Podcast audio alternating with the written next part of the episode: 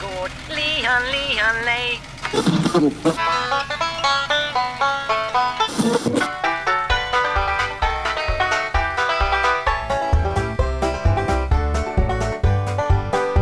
Du lyssnar på Bondepraktikan presenterad av Buddetin. I besättningen finns i vanlig ordning jag, Per-Ola Olsson och Rickard Axdorff. Gillar du det du hör och vill dessutom kunna lyssna innan gratislyssnarna är det alltid möjligt att teckna en prenumeration på Bulletin. Med detta sagt, vad har du dödat sen senast Rickard?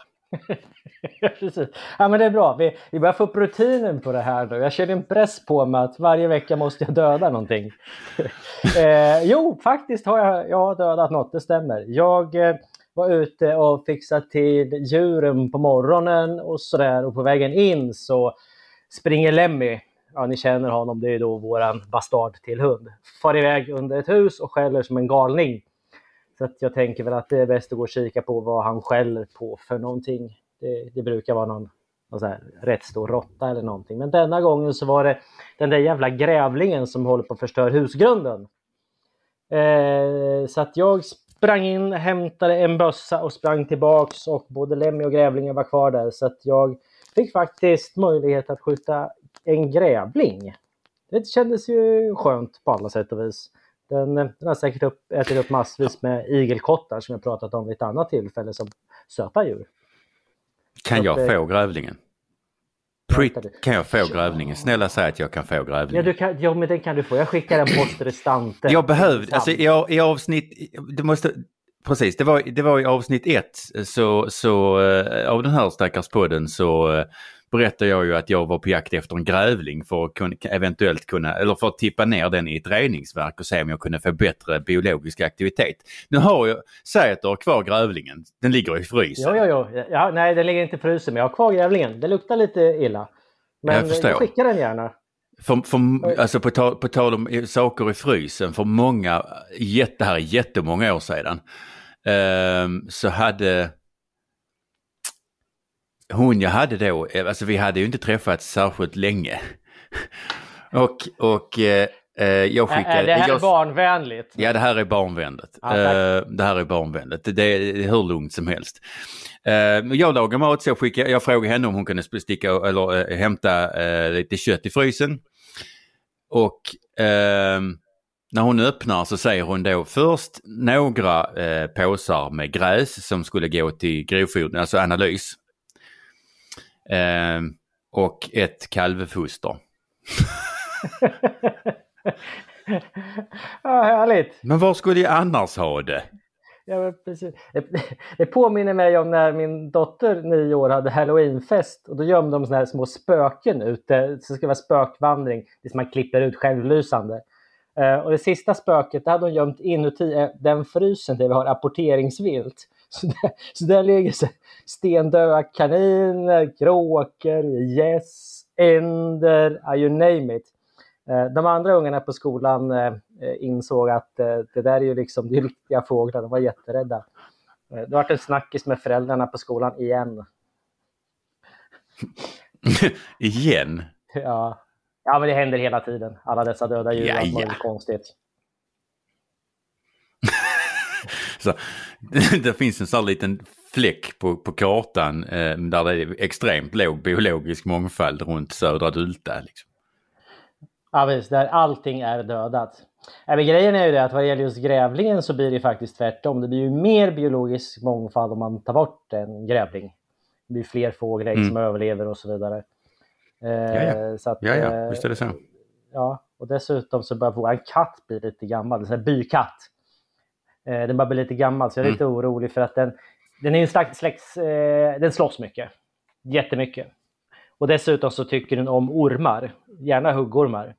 Vilket ju man kan tycka är bra, att katten tar huggormar. Eh, problemet är ju att den har ju, misstänker jag, gått och blivit beroende av huggormsbett. Så att, eh, det är inte ovanligt att på fredagarna så kommer han med svullet ben och, och, och, och svullen mage. så går han halvhög på något gift från en huggorm. Eftersom jag nu ser dig vad du håller på med så kan jag meddela för våra radioröstare att eh, Per-Ola just fyllde flabben med saft.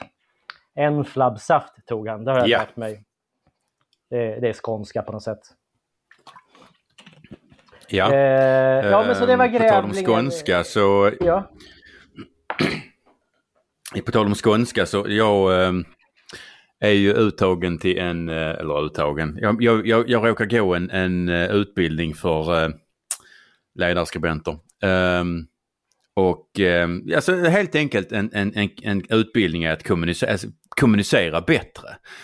Och eh, kursledaren han eh, påminde om eh, att där fanns eh, några som inte hade fyllt i utvärderingen och gjort allt det de skulle. Jag svarade honom om du inte stirrar ner så kanske jag slutar ljuga i utvärderingen. Men han, han, han förstod inte begreppet stirra ner. Alltså vilket vilk, på, vilk, på skånska är ju lugna ner dig. ja. Ja men han, han liksom lång jävla utläggning om, om, om eh, alltså eh, att han stirrar inte ner på sin profilbild liksom bla bla bla bla bla bla utan alltså rent titta. Liksom. Så att eh, jag tyckte ändå det var extremt sött och lite talande när eh, kursledaren och deltagaren på en utbildning för att kommunicera bättre inte förstår varandra. Jag gick och röjde precis. Eh, det är ju mitt på dagen är jävligt varmt ute och det kan ju vara rätt dötrist att och röja. Även om det kan vara dötrist att sitta inne framför datorn också. Men, men Eh, Och i förra du slipper avsnittet... å andra sidan kommunicera med andra människor. Ja, vi kanske kan komma tillbaks till det för att jag är rätt less på det. Men, men innan dess så känner jag bara att förra avsnittet så eh, hasplade jag ur mig någonting som vi kanske borde prata lite mer om. Eh, och det, det handlade då om din dödslängtan för ganska eh, exakt ett år sedan.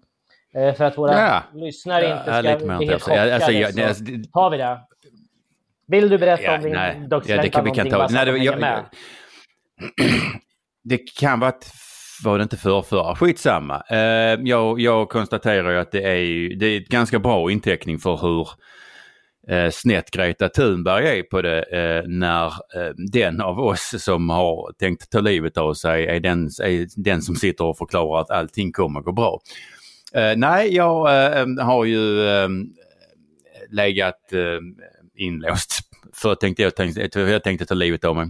Jag var inte eh, LPT-ad så att jag, fick, jag kunde skriva ut mig själv men jag tyckte att eh, nu hade jag ju provat på det där med att vilja dö. Det tänkte jag kan väl prova på att underkasta sig vård. Så att eh, nej, jag har eh, velat dö ett litet tag. Men jag har inte, jag har inte den viljan längre. Jag har inte, och jag har inte haft ångest på jättelänge och jag har inte eh, jag har liksom inte haft de där stunderna heller när jag vill bränna allt jag äger och bosätta mig i en Mercedes Sprinter.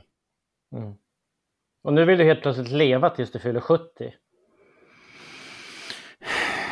Jag vet vad du ja, vill och vill. Jag bara konstaterade att vi kommer vara dubbelt så många människor när, vi, när jag är 70 som vad vi var när jag föddes. om, jag, om jag verkligen vill leva tills jag är 70, det vet det fan. Men alltså jag har ingen, ingen, ingen, eh, jag har ingen alltså, aktiv vilja att dö. Där finns liksom, eh, Y-kromosomen är ju i normalfallet eh, Alltså Y-kromosomens främsta drivkraft är ju i normalfallet självutplåning. Det ser vi ju liksom skillnaden liksom hur män, män hanterar motorsåg och alltså menar bygger så. Men alltså det finns en anledning till att män lever kortare tid än kvinnor. Och det är liksom som, alltså vi har uppenbarligen genetiskt i oss någon form av drift att ha ihjäl oss själva på, på, på sätt som våra vänner tycker, ä- även vi tycker är roliga. Så att eh, den, den biten kommer jag väl inte riktigt bli fri från. Så jag kommer fortfarande vara vårdslös med eh, vinkelslip, motorsåg, eh, sånt. Eh, fyrhjulingar. Ja. Men eh, alltså jag, jag, jag, jag, jag känner inte för att hänga mig själv i trappan längre. Eh, men det är ju bra, för jag tänkte vi skulle hålla på med den här podden ett par veckor till i alla fall. det känns ju skönt. Eh, men hur Det funkar det här lite? Om... vem, vem, ska du prata med? Om, om Ja, jag jag, liksom... inte. Ja, precis. Det blir jättetomt. Eh, jag får se massvis med timmar över att göra någonting annat på. Men, men du, eh, du, du umgås med din familj. Ja, de tycker inte ens om... Jo, det gör de. De tycker om mig. Eh, men, men, men du som är en tänkare av rang eh, i ett par hängselbyxor. Eh, om, om du nu identifierar Ja, just nu dig som kvinna istället. Ja, det skulle inte förvåna mig. Men jag tänker så här, om du identifierar dig som kvinna, skulle det innebära då att du på något sätt skulle kunna leva längre? Ja, men på riktigt. Mannen har inga långbyxor på sig. Han sitter i kalsonger. Ja, ja. Vi, vi kör ändå. Det är tur att inte detta Eh, om jag, alltså, frågan var alltså, frågan var alltså om, om, om jag, om jag eh, identifierade mig som kvinna så, om jag skulle leva längre. Ja, ungefär så. Det, var, eh, det, har jag inte tänkt på. Däremot så har du eh, vid något tillfälle, jag vet inte riktigt hur jag hamnade vid det bordet, men, men eh, det var en liten klick människor som satt och, och, alltså de var väldigt envisa med att man fick identifiera sig som vad man ville och omvärlden skulle respektera det och bla bla bla bla. bla. Jag kan väl köpa mycket av de resonemangen men alltså det finns samtidigt gränser. Ehm, så ehm, jag eh, lyckades, alltså för jag tyckte de var, alltså de var, de var för mycket liksom. Så jag lyckades så styra in samtalet lite så, att, så, så, så, så, i den riktning som jag ville ha det. Så att eh, efter ett tag så deklarerade jag att, eh, att jag personligen så identifierar jag mig som en, eh, en liten flicka som just håller på att upptäcka sin egen sexualitet. Till saken hör att jag är 1,97, väger 100 kilo och har skägg liksom. Um, och de, alltså, de, tittar på mig väldigt, väldigt märkligt. Men alltså samt, alltså, det, för, det, det, liksom... Ja, det, alltså, det, det, de sa ingenting men det var så väldigt uppenbart på dem att jag fick inte, alltså, inte identifiera mig som jag ville. Även om jag bara drev med dem. Men, men jag, fick inte, jag fick inte identifiera mig eh, som vad jag ville. Det var liksom andra som fick göra det. Men, men skulle jag som man vilja då identifiera mig som sagt som en liten flicka som just håller på att upptäcka sin egen sexualitet. Nej, det fick man inte. Så att jag vet inte, nästa gång ska jag identifiera mig som en attackhelikopter. ja men vad skönt. Vi har ju eh, apropå attack så eh, för att styra upp de här samtalen som vi har med varandra eh, så har vi ju ett körschema. Så har vi lärt oss att så måste man göra. Tidigare när, när vi bara ringde varandra. Du menar det vi in inte tittar på? Ja, ungefär. Jag, menar, jag tänkte så här, tidigare när vi bara ringde till varandra och, och, och då hade vi inget körschema utan då var det mer fri base. Eh, Det står ju ungefär två rader på vårt körschema idag. Är, och så att jag, jag, jag tänkte att jag, jag läser det som nu står på körschemat. Och så här, då, då, då står det så här att eh, avsluta frågan med PO, vad är du arg på idag? Så att vad, jag lämnar frågan öppen. Vad är du arg på? Shoot! Politis, politiserad forskning. Ehm, Okej. här förleden så de- deklar... Alltså, du vet, du vet vad försöksdjursetiska nämnden är? Ja, men du kanske ska förklara det för om det är någon som lyssnar som inte riktigt vet det. Det är eh, em, eh, några nämnder eh, reg- regionalt indelade som sitter och eh, om du vill göra djurförsök så eh, ska du komma in med vad du vill eh, göra eh, och sen så prövar nämnden i, i, I praktiken kan man säga att de prövar djurens lidande mot vad man kan vinna med studien. Mm. Mm. Så att alltså, de, väg, alltså de, de gör helt enkelt avvägningar. För att i normalfallet så ska ju inte djur tillfogas otillbörligt lidande. Men vi har ju ett, ett undantag för djurförsök och där har då de här nämnderna till uppgift att väga djurens lidande mot vad vi som människor kan vinna på det. Okej? Och ehm, LRF och Växa och RISE de, ville, de ansökte om att få göra en, en studie där man mätte djurvälfärden hos eh, ungefär 2 500 mjölkkor eh, som skulle gå inne även under sommaren. De skulle alltså gå i det, sitt vanliga stall i sin natur, vanliga miljö eh, som de är under resten av, eller ja, 96 procent av året. Eh, de skulle bara gå in i de sista 4 procenten också. Så skulle man helt enkelt övervaka och mäta eh, eh och föra bok över hur djuren reagerar och hur de mår och eh, menar, eh, som helt enkelt djurvälfärden. För, för ordningens skull bara, vad är LRF, vad är Växa och vad är RISE?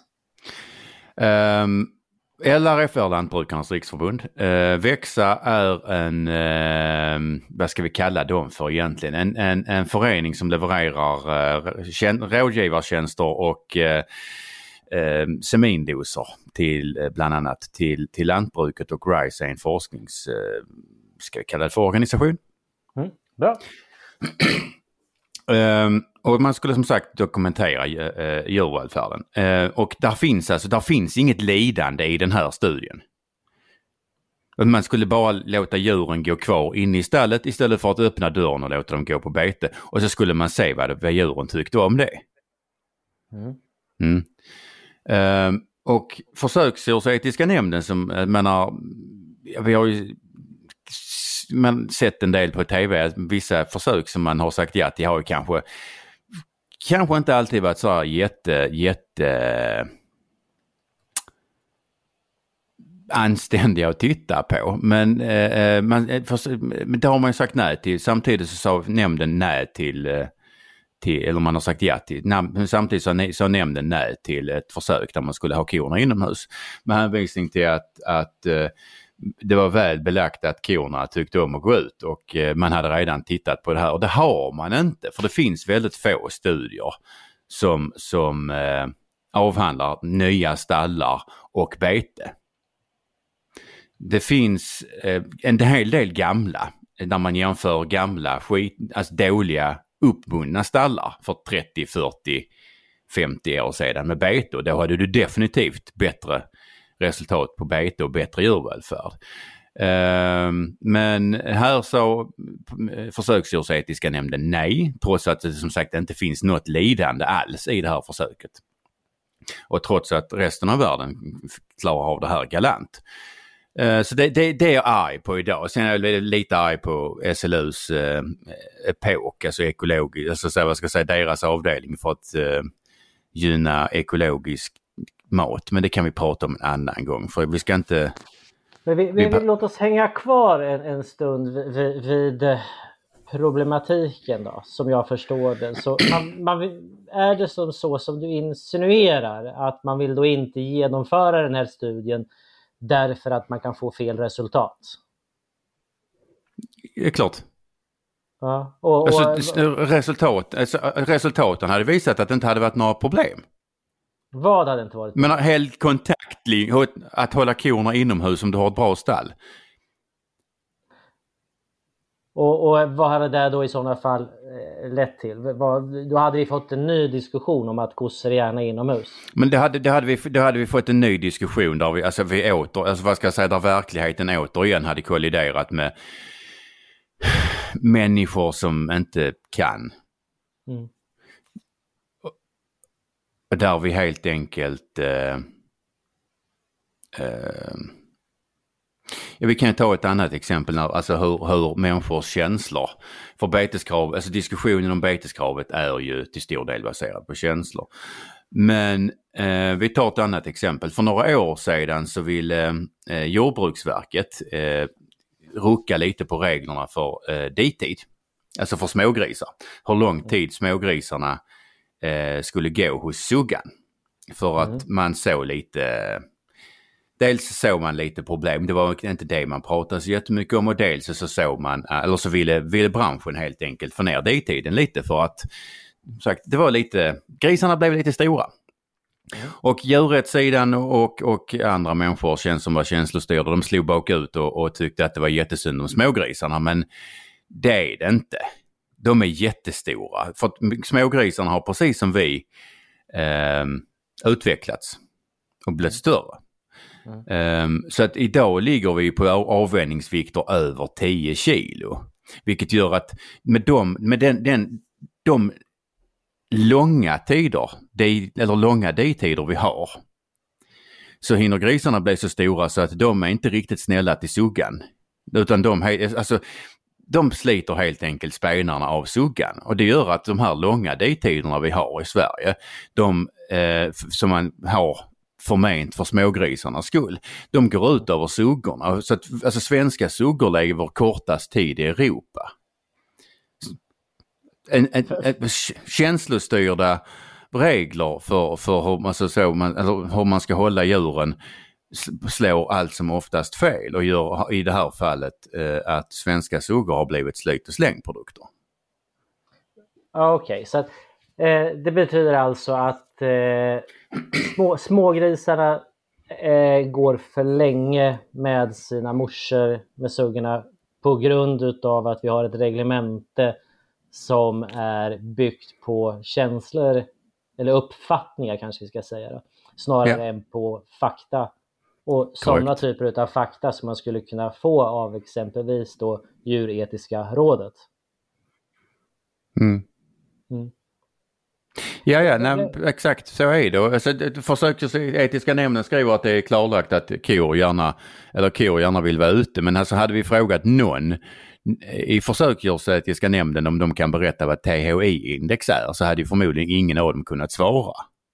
Och det är det index där du alltså lägger ihop luftfuktighet och temperatur för att kunna bli klok på när risk för värmestress in, in, äh, börjar närma sig hos kor. Mm. Och vid hög, hög luftfuktighet så börjar, den, börjar det bli, kan man få, kan risken för värmestress in, börja redan med 19 plusgrader.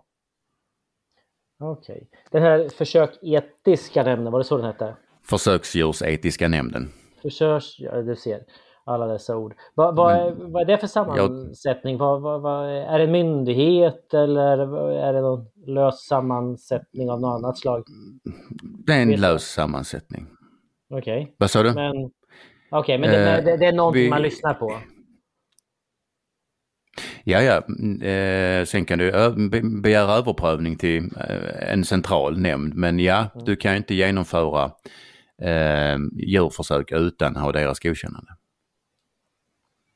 Just det. 2000, 2000, vad blir det, tre, fyra någon gång så sa de nej till att, att eh, eh, föda upp kyckling enligt kravreglerna. Eller eko, ekoreglerna. Så de nej till det? Ja. Jaha. Med, med hänvisning till vad då? då? um, att eh, ekoreglerna eh, hade ju senare slakttid, alltså de skulle, kycklingarna skulle leva längre. Ja. Eh, och, och med de raser man då, eh, eller de raser man hade tänkt använda i försöket, de är ju gjorda för att eh, slaktas ja, 30, runt 40 dagar. Mm. Eh, vilket eh, hade gjort att med ekoreglerna så hade kyck kycklingarna blivit så gamla så att benen hade brutits under dem. Nej, du skojar? Nej. Mm. Ni förstår vad mycket folkbildning det är på denna podden. Va? Ta det där en gång till så att alla hängde med då. Försök, alltså, det måste vara som sagt 2003, 2004, 2005 då någon gång. Eh, så sa försöksdjursetiska nämnden nej till att föda upp kyckling eh, med, efter ekoreglerna eftersom de raserna man eh, tänkt fundera på att använda i kombination med ekoreglernas högre eller längre livslängd hade gjort att kycklingarna hade blivit så stora så att eh, benen hade brutits under dem.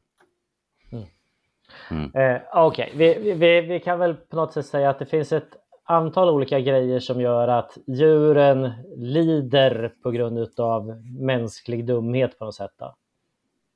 Ja, och alltså det, känns, det är ju onödigt när de, väck, när, när de lider på grund av mänsklig missriktad omtanke. Ja. För, det, alltså, varken alltså, suggorna hade mått bättre och grisarna hade definitivt inte mått, små, alltså smågrisarna hade definitivt inte mått sämre om vi hade kortat ditiden lite så som Jordbruksverket hade, alltså, pekade på. Och korna hade definitivt inte mått, då, mått dåligt om vi hade gjort så att vi kunde, kunde eh, bygga bra stallar och hålla dem inomhus. För att så som det är nu så är ju lantbrukarna tvungna att sparka ut korna och kan ju med det hålla liv i dem i stort sett vilket utedasse som helst. Just det. Men, men har, har, inte bönderna någonting att säga till om? Vi försöker väl på något sätt här, hoppas jag, driva en, en tes om att lantbrukare är förståndiga människor. Har, har de ingen röst? Har de ingen... Där är några av dem. Jag tänker så här, det, Nej de, de saknar tolkningsföreträde eller man ska inte lyssna till dem eller var landar vi där då? De, alltså, det, det är det där vanliga, de talar för sin sjuka mor liksom. Eller, ja, eh, och de är dessutom giriga och förstår ingenting. Eh, sen, sen går det ju disk... Jo men... Ja, men det, alltså du vet, hur skulle det se ut om folk som hade hand om djur hela dagarna hade någonting att säga till om? Om djurskötsel. Ja.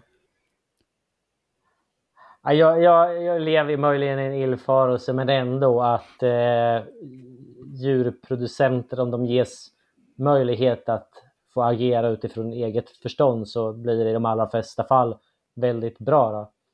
Eh, men det är klart att tar man in på alltså, djur, djur, djur, djur, djur, som inte mår, djur som inte mår bra producerar inte och är inte lönsamma. Så jävla enkelt är det. Ja. Jag tänker på... Mm. på vi kan ju titta, eh, ja. Jag bara tänker på det du pratade om tidigare, på, på de flesta av våra djur som har möjlighet att gå in under tak. De, de gör ju det i regel på sommaren och inte på vintern. Liksom Mm. man, på vintern kan Mm. man gå ut, då kan ju alla får ligga, liksom, var är de någonstans? Och så får man liksom kolla, men där, där var det inte en snödriva igår, då ligger de ute i snön och myser. Eh, och eh, Mm. Eh, alltså att om, om, kära lyssnare, om ni går runt och sen så ser ni en häst eller en kossa eller får för den delen som går runt och har massa snö på, på ryggen så betyder inte det att djuret i fråga fryser för att den har snö på ryggen utan det betyder att pälsen fungerar. För hade pälsen inte fungerat då hade snön Ex smält. exakt. Eh, Mm. Djur är ju konstruerade för att fixa det. Men just värme upplever jag i alla fall ett större problem än kyla och, snö. Värme är ett större problem i synnerhet för, för eh, eh, kor, alltså för lakterande mjölkkor. Mm. De ger, ju- avger ju, alltså en, en, en, eh, en ko behöver ju inte mjölka särskilt mycket innan hon avger en 800 000 watt ren strålningsvärme. Ja, All denna kunskap som har gått mig förbi. Okej. Mm. Ja. Ja, s- ja, nej, så det, var, det var väl det jag var arg på. Vad är du arg på? Vad är jag arg på? Men det är väl ganska mycket egentligen. Men, men just idag... Tänk på så- blodtrycket. Ja, jo, vi för sig. Jag, hade, det, det, jag har gått på full varv faktiskt från egentligen från klockan, klockan, vad ska vi tro, sju igår kväll till midnatt och sen så har jag gått på fullvarv från sex i morse till lunch. Då kände jag att nu är det dags att gå ut och, och köra röjsåg istället och göra någonting fysiskt. Eh, det, har, det har att göra med att eh, jag, jag eh, extra knäcker lite grann som eh, polsek för Moderaterna i Örebro. Eh, och då har ju då Skolinspektionen, eh, SI, kommit med information om Mm. att man stänger ner två stycken skolor på grund av att skolorna har då koppling till IS. Så det är SI versus IS i Örebro just nu. Och eh, Jag skulle kunna komma med en sån här jättedålig skämt om typ saltbilar. Men ja, Vi, vi kan väl ta det senare. Nu Ja, håller jag på och laddar. Eh, på något sätt. Ja, men, det där det ställde ju till det för mig. Det, det är ju sent i veckan nu. Jag hade ju tänkt haft en ganska så skön dag idag. Det har jag ju inte haft. Utan, eh, alltså så här. Eh, med de grejerna jag har jobbat med tidigare. Det har ju varit eh, lantbruk, jordbruk, skogsbruk och det, det är rejält mycket att ta in eh, och förstå.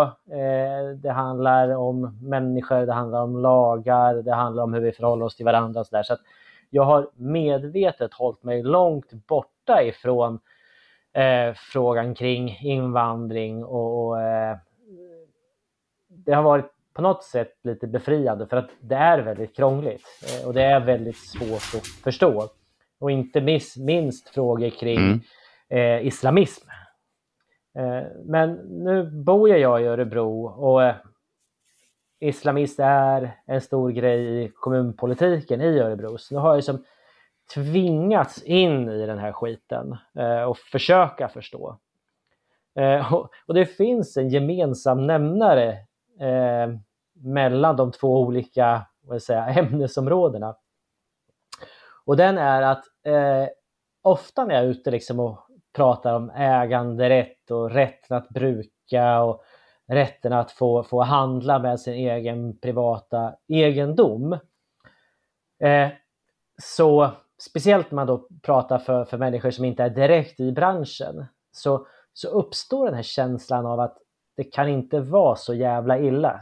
Killen står där och smäller och ljuger. Det, det kan alltså inte... Och det, det dyker upp hela tiden. Och sen så att, ja men, ja men precis, jävla alarmist. Det kan, det kan ju inte vara, det begriper ju vem som helst. Eh, och, och, sen så visar det ju sig när man börjar på gräva i det att det var inte alarmistiskt utan det stämmer verkligen. Det stämmer att har du liksom fel typ av fågel i skogen så är din skog värd noll och skit och ingenting. Mm. Eller om det är liksom någon har hittat en, en hasselmus eller någonting annat, någon oätlig svamp, så förlorar din egendom all sitt värde. Eh, och helt plötsligt så på något sätt är det någon annan som bestämmer över den.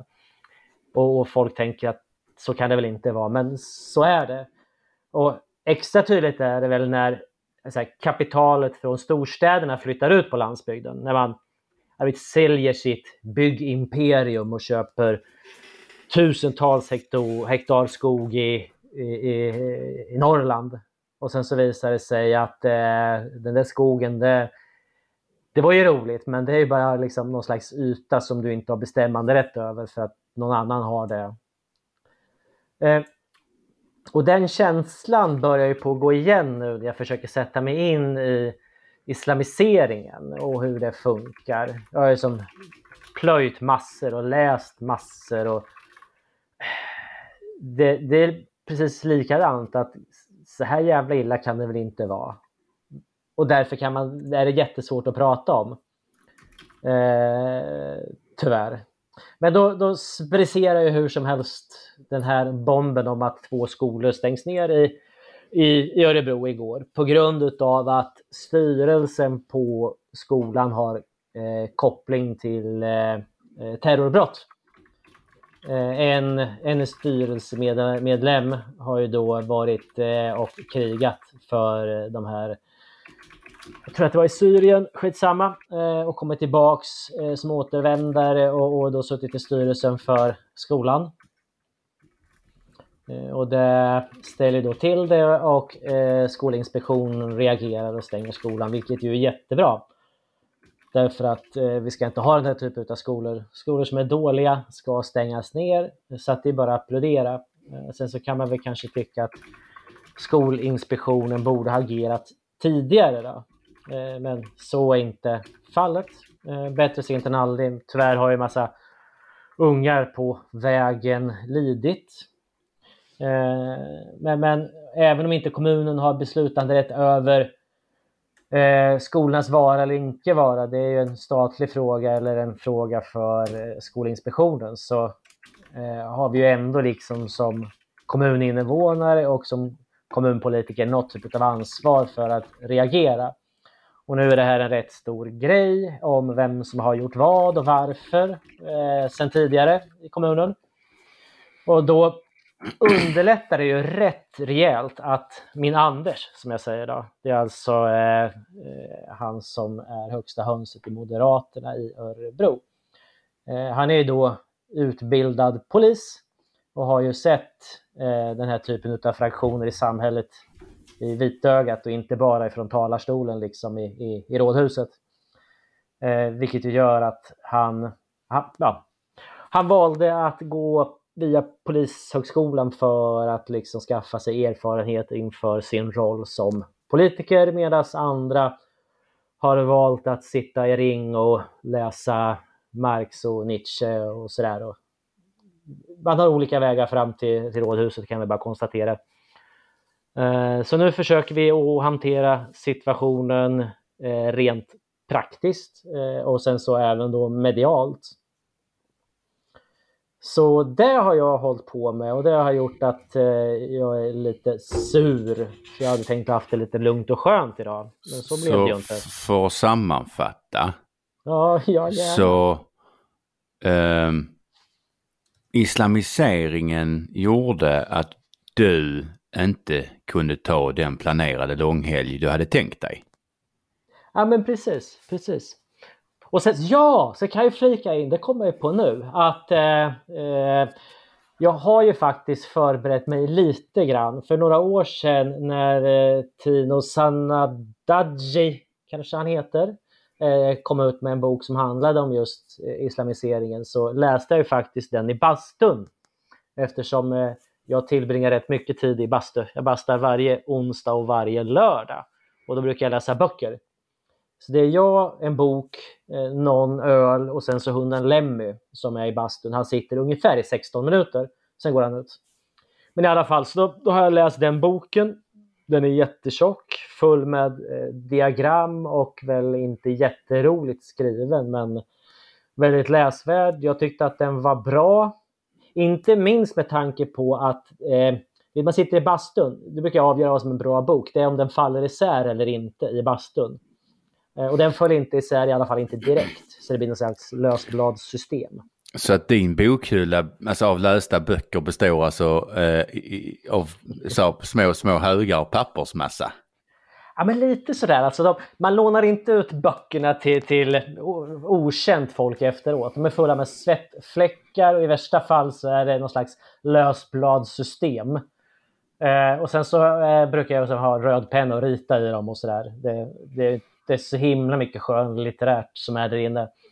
Utan eh, det är den typen av böcker, det är SOU vet jag inte hur många jag har läst där. Statens offentliga utredningar. Eh, och massa andra rapporter och, och sån, sådana goa grejer. Jag har, en, jag har en ESO som heter Vad kostar en ren? Åh, har du läst den? Nej. Ja, kan vi, inte, kan vi inte göra en hel podd om, om eh, eh, renbeteslagen håller på att se över? Så att det, det vart ju aktuellt.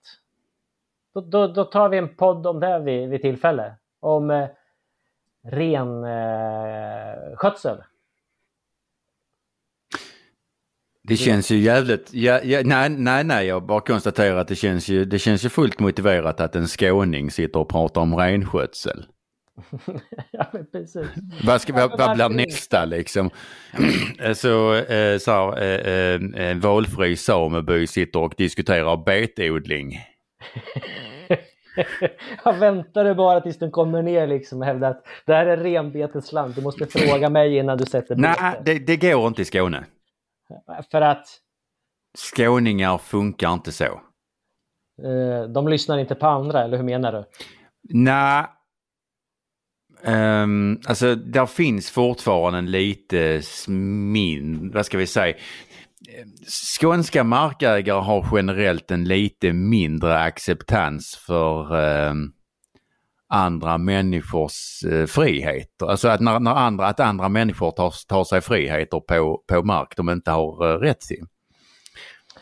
Det, det, finns ju någonting som kallas för vad heter, Svensk grindindex. Har du hört talas om det? Nej, berätta. Eh, det handlar ju alltså om eh, hur många grindar över privat väg som finns per ytenhet.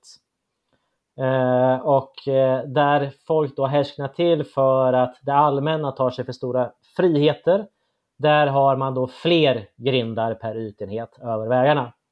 Och då misstänker jag att Sveriges, utifrån det du nu har delgett oss alla, att Sveriges tätaste grindindex eh, är i Skåne, kanske till och med i eh, trakterna kring Simrishamn och med omnejd. Vi, vi behöver inga grindar, folk vet.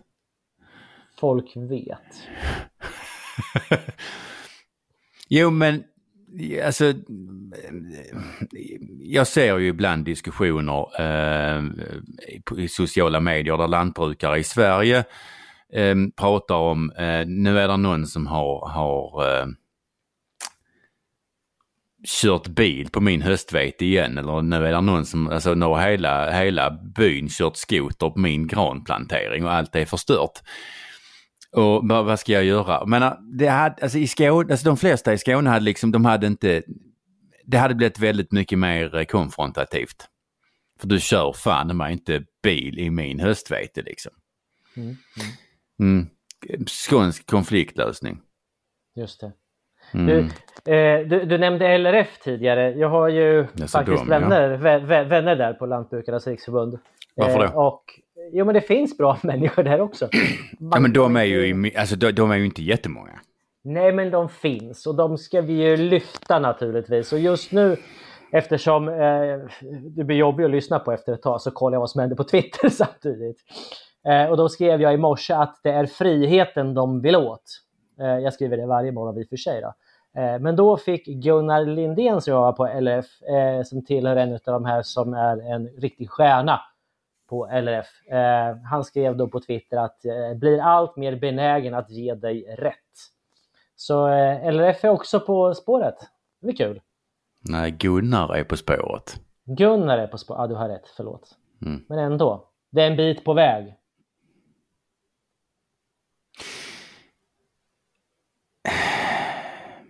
Ja, vi säger det. Det, Det är blir ett säkert eget bra, Rickard. Det, det, det är ett eget poddavsnitt det med kanske. S- Ja men jag, eh, alltså, nej, nej, nej. Jo, det får det bli. Det får bli ett eget poddavsnitt. Är LRF på rätt väg? Eh, Du kan göra en anteckning i det körschemat vi ska. Alltså med alla, alla idéer vi, har- vi liksom så skjuter framför oss. Alltså, så vi, vi har ju ett program fram till jul. Ja, det är riktigt. Ehm, och Mm. en, en av de grejerna som vi ska prata om också tänkte jag, eh, det är eh, eh, jag har printat ut en rapport tror jag det är, eller någonting i den stilen. Eh, det handlar i alla fall om att man vill se över lagen så att när jag hämtar grus på min egen mark och flyttar den från ena hållet till det andra så ska jag tvingas att göra miljökonsekvensbeskrivning. Eh, de tar lite granna hela tiden och naggar i kanten Men- så det där måste vi ju råda bot på. Men alltså ta grus. Det där är hur... Men om du flyttar, flyttar massor från en, alltså inom din fastighet, alltså jordmassor eller grus, alltså schaktmassor som vi kan kalla det för. Mhm. Ehm, om du till exempel ska bygga ett hus och du schaktar och så behöver du först schakta bort matjorden. Mhm. Mm. Och ibland så kanske du behöver schakta bort lite grus också. Mhm. Får man flytta den grusen? För du flyttar det Alltså- inom fastigheten. Det är så vi gör nu, att vi flyttar grus från en ställe till en annan för att Exakt. vi hade ju ändå grävt upp det. Jag behöver göra ett hål här av någon anledning. Mm, och sen Eh. behöver man flytta grusen. Men alltså det är ju för fan inte rimligt att du ska behöva göra en MKB för att om du ska, alltså menar, finns det någon nedre gräns, alltså typ 4000 ton? Alltså, nu har inte jag... eh, Det är lördag eh, snart. Och eh, då ska jag läsa den här. Det är en promemoria från miljödepartementen som heter Ett förbättrat genomförande av MKB. Direktivet M2001 00596 för den som är intresserad. Den ska jag läsa i bastun när jag bastar nästa Alltså- gång så får vi se. Då kanske jag får svar på, på den Mm. spännande Alltså, frågan. Hur mycket of- får jag flytta och inte? Oftast när de, eh, våra vänner eh, där uppe tar, alltså säger att någonting är en förbättring så brukar jag påfallande ofta uppfatta det som en, alltså en, en avsevärd försämring. Jo men Mm. precis, men, men nu, nu, då kan vi ju knyta ihop det här lite grann eh, med, med att skulle man nu förklara för någon som inte är insatt att jag behöver göra en MKB som kanske kostar i storleksordningen 50-60 tusen som är överklagningsbar, jag vet inte om jag får tillbaks pengarna och så vidare. För att jag ska flytta en del av min egen egendom från ena hörnet till andra hörnet utav en fastighet. Så kommer man ju naturligtvis tycka att det där är ju bara jävla blålögn. Så kan det ju inte vara. Men så kan det faktiskt bli. Om inte man ser till att vara lite snabb att komma med åsikter om alla dessa dumheter som vi tvingas att leva med. Det är helt rätt. Mota Olle i grind. Vi ska mota Olle i grind och eh, därmed så eh, har du lyssnat på ytterligare ett eh, väldigt bra avsnitt av Bondepraktikan. Denna folkbildande och trevliga podd som presenteras av Bulletin. Idag har vi pratat om likheterna mellan fel sorts fågel i skogen och islamism. Hur många watt strålning en ko avger och att smågrisar som eh, sliter spenarna av sina mammor. Och med det så tackar jag Rickard Axdorff och Per-Ola Olsson för oss. Ha en trevlig tid! Tjingeling!